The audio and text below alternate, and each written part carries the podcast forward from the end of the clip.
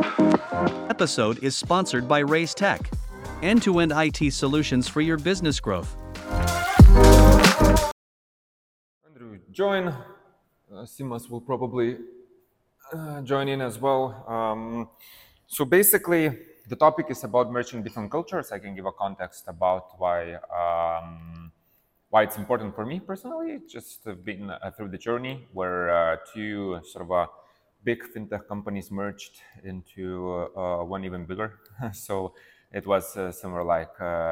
250 350 people now it's somewhere you know 600 people um, of a company um, both companies were basically same products uh, in a high level, right? So it's a payment apps, the Nordic markets. Um, uh, one was operating only in uh, Norway, other was uh, in several countries. Uh, so and um, both really agile companies. Uh, if you, I mean, you can probably argue who is more agile or whatever, and what, what does that mean, and blah blah blah. But both of them were really sort of good at um, at you know delivering the products and so on. Uh, but uh, even though the product is almost the same, you know, mindset and agility and willingness to conquer the world, it's uh, it's also there, you know, for, for, for everyone. But at the end of the day, you know, when when actually people started working together, there was so many clashes, uh, cultural ones, like why we should do this and not that. Why are you, you know, why are you making decisions here and so fast? Why are you not discussing this with us? why we need to discuss. We want to be fast, and uh, you know um, things uh, basically can get very ugly very fast, and uh, it takes a lot of time to nurture that culture out. So uh, that's the discussion about. I don't know if you have any experience yeah. and any uh, things to share about merging, you know, different cultures of the different companies, maybe, or whatever that could be. Maybe you have experience of merging a couple of teams with different cultures. That could also lead to uh, so, um, what kind of problems you had? How did you solve it? That's uh, everything is interesting, at least for me now. Yeah, in uh, my case, I would like to share experience about my case, and also uh, kind of have a question for your use case. Uh, in my case, it was more, more, it was not like a merging, more like a one company buying another company. So uh, let's say that the, uh, that the company which is like buy it, uh, which is like a smallest company, had to just accept. They don't have a choice. They're accepting the smaller company and they're accepting uh, rules which are playing the bigger company. In your case, it's more like a merging or like a buying or uh, how does it? Work? Yes, work? it's actually a merger. Yeah. Um, legally and everywhere around, it's a merger. Yeah. However, there was a problem of uh, sort of a um, mental. Uh, Simi, can you turn off the conditioner and close the doors? Um, the problem was that you know when companies are merging, they're basically then the owners are you know somehow deciding of what kind of percentage of a new company they will own, right? So yeah. um, at the end of the day, and it's not necessarily 50-50. Yeah. Um, in, and in this case, one company was sort of having larger share yeah. um, of the merged company, and uh, it's it. Uh, mm, it basically gave a mental picture to the employees of that that company that they are superior, uh, I think, to some degree. It happened. Uh, it wasn't intentional, but it just somehow happened because my point of view, there was uh, a problem of leaders communicating it to that uh, to that company prior because merger took a lot of time. You needed to get a lot of legal approvals, uh, uh, competition authorities, blah blah blah blah. You know, needed to and tell their sense. And this time wasn't used probably to nurture the thinking that we're equal. Um, and that in so in the new merged company that in the board of directors like more people from the bigger company uh, how is the share of the people in the board of directors who actually take the decisions here i don't want to confuse you i've yeah. heard that uh, decision power wise yeah. that was decided to be 50-50 yeah uh, just the share wise it was yeah. different but okay. I might also mislead you because yeah. I wasn't there on the. I mean, I wasn't negotiating the terms. I don't yeah. know the details to, to full extent. So I just so from what I heard. What I'm thinking about where it comes from. If it comes from top to down, this may be programmed in the organizational structure, or it comes from a bottom to top uh, engineers uh, not able, let's say, to talk to each other. I kind of hard to believe it. All engineers kind of okay to talk to each other. Is some, from my point of view, somewhere in the organizational structure about the decision uh, power. Any any opinions? Uh, well, I, I, I would not say that uh, engineers would you know easily communicate because again when we talk about different cultures there are differences and there are differences which actually makes work harder for both sides and it's not you know even on the top that oh who got more share or more members of the boards. It's it's it's a bit different side. Like from the culture there are people which uh, take time for, for taking decision. Others like uh, doing fast. Others like to invest more into i don't know whatever the the, the, the going through the data. Others like to just jump on something. And it's just how they work for a long time. And this again it's it's, it's I would say it's it can be interpreted in many different ways because different cultures even could be from uh, and I was developer from the development perspective from the smallest thing that there are still different ways of how you code. And it's still a culture of coding culture.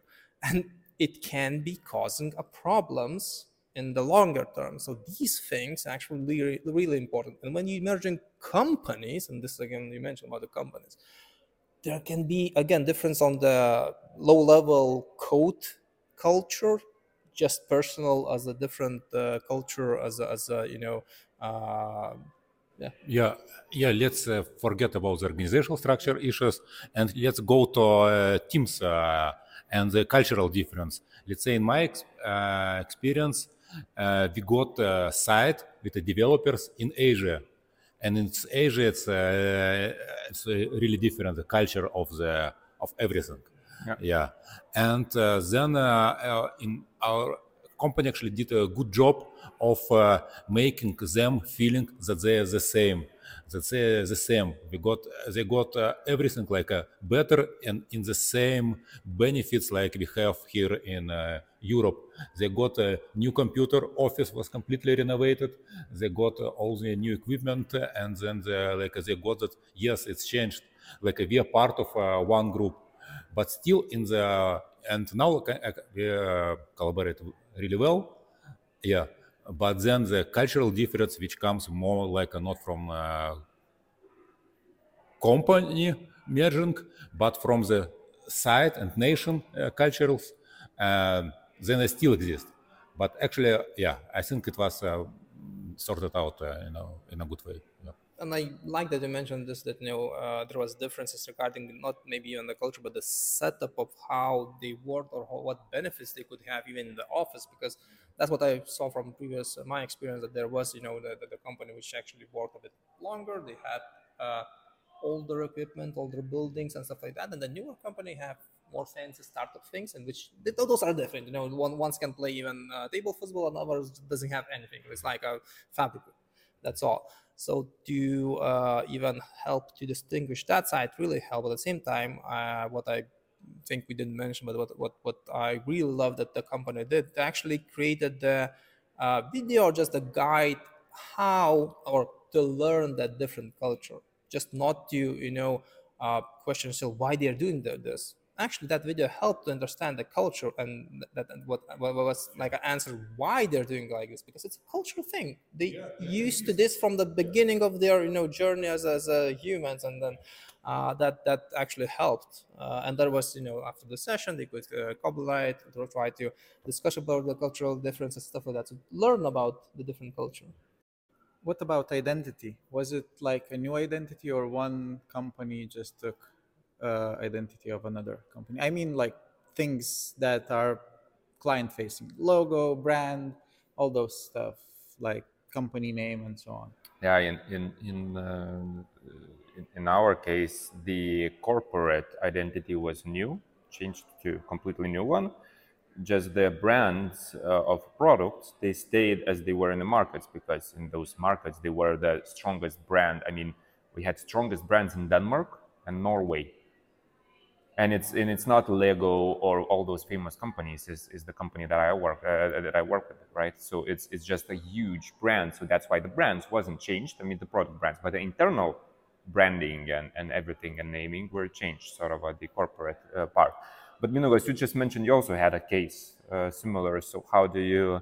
Uh, what's your experience? I'm, I'm very keen on you know finding out also yeah, in my case, why I mentioned the, the, the branding was one thing that uh, helped was that people uh, worked on a new product. Uh, I mentioned earlier that uh, two totally different companies, uh, they were acquired in different uh, time by the third company. Um, and eventually one product was uh, sunset, the other product was uh, rebranded, and those two com- uh, those two teams, those two product uh, teams, there's like multiple teams under that, um, were merged. So having changed the identity helped, but then there's uh, still some things that I'm still working through. For example, comparisons. One company was older and had some achievements that the other is still striving for, and the new product is more in the in the domain of that other company. Um, so then you know, throughout the conversations, sometimes someone says something, and someone jumps in and says, "Well, we already did it, did it in you know previous product that we built." So and uh, this is something that i'm trying to solve. That's why i'm here actually to get some thoughts and insights and maybe some ideas. Yeah what uh, what i think it's important is what the andres mentioned. I mean it's it was very important for everyone and it still is um, because not everyone sort of a, probably you know uh, takes the change as fast right? It's, it's different from individual to individual. Um, is to understand the perspective of where the other person is coming from. Um, it's definitely, you know, he or she is not doing something because to, to because she thinks it's worse, but we're still doing it. Probably it's being done because of there was some context why it sort of a put us to learn to do this and this in this way, and another person did it in a different way. Could be as simple as um, I don't know, someone was uh, very fast, right? And uh, was sort of a just push code to production kind of a mindset. And so they want to keep that. So how we release as fast as possible. The others were, uh, okay, it's not only you know that we need to care about scaling because they went to different countries. Um, so we need to think of how it's also you know we should not only be fast but to make sure it's scalable and things like that. Uh, and it's, you're naturally slower uh, and so on. But then you need to understand why you know uh, the other were slower and so on. So put you know understand the context. That was one very important thing and it is one very important thing i believe in such changes um, is to understand the other party's context um, well. Yeah i like where you're where you're going and i'm thinking about it's uh, important to identify benefits of each culture. So let's say some culture is really fast on the change. That's the benefit. Let's say some another culture uh, really good on uh, taking controls. That's also good and then we can uh, get uh, like the best from the both, identifying uh, what we are different and using the benefits from the both. Yeah, yeah. yeah. The, the, the, complex part is that different, uh, you know, different people will think uh, uh, differently of what is better. Yeah. You know, so that's that's the tricky part um, because I might think that still this is still better, and and I'm in a way biased because I've built that, I created that. This is my child. This is you know, uh, and so you know, sort of what this is my habits and everything else. So I think naturally it's better, and I can find arguments to basically prove that it's better. Um, so um, and you know, the other party can also find arguments to prove it is better, and you cannot argue with any of those arguments. You just need to agree of you know, so what is the new thing that uh, we're actually following? I believe that that that that was very important actually, and it is. So uh, yeah, understanding the context, but also sort of agreeing on the fundamentals of where what what we're gonna have. Uh, maybe it's gonna be 80% of one of the companies, and it's fine as long as we agree and we communicate that clearly. Um, where uh, where the problem starts, in my opinion, and also maybe was was in my journey, is when a lot of interpretation starts because it was not clearly communicated or not clearly stated, or, and, and uh, interpretations can even boil down to semantics. One person hears a word plan, it's a good thing for them. Another person hears the word plan, it's bad. I mean, why I need to have plans? I mean, we're agile, we need to adjust. Because the other party, oh, when we hear, when you know a person hears plans, means some sort of a high level things, you know, that we maybe will do in the upcoming couple of months. Another person interprets it as a detailed task, you know, list or something. So, uh, and they, and, and, and then they argue, even though they basically agree on the concept that we need to have high level things, but we don't need, uh, you know, detailed, detailed plans, but they just use different words to describe it. So you can even boil down to these kind of details sometimes to, you know, figure this out. It takes time, of course, uh, but also the, more the, the, a lot of communication, clear communication is also a key. That's what I found out.